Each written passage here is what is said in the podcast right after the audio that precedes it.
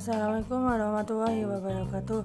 Hai sahabat Hai sahabat Bertemu lagi dengan Abida. Kali ini Abida mau bercerita Tentang kegiatan Abida.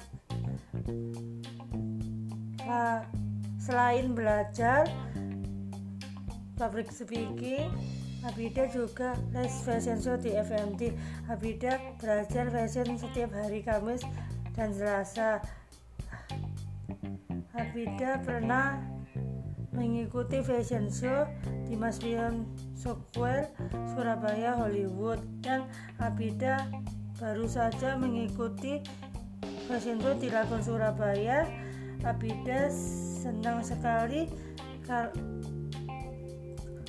senang sekali karena fashion show berjalan lancar dan sukses ber, Alhamdulillah nah Nah, sekian dulu cerita Abida.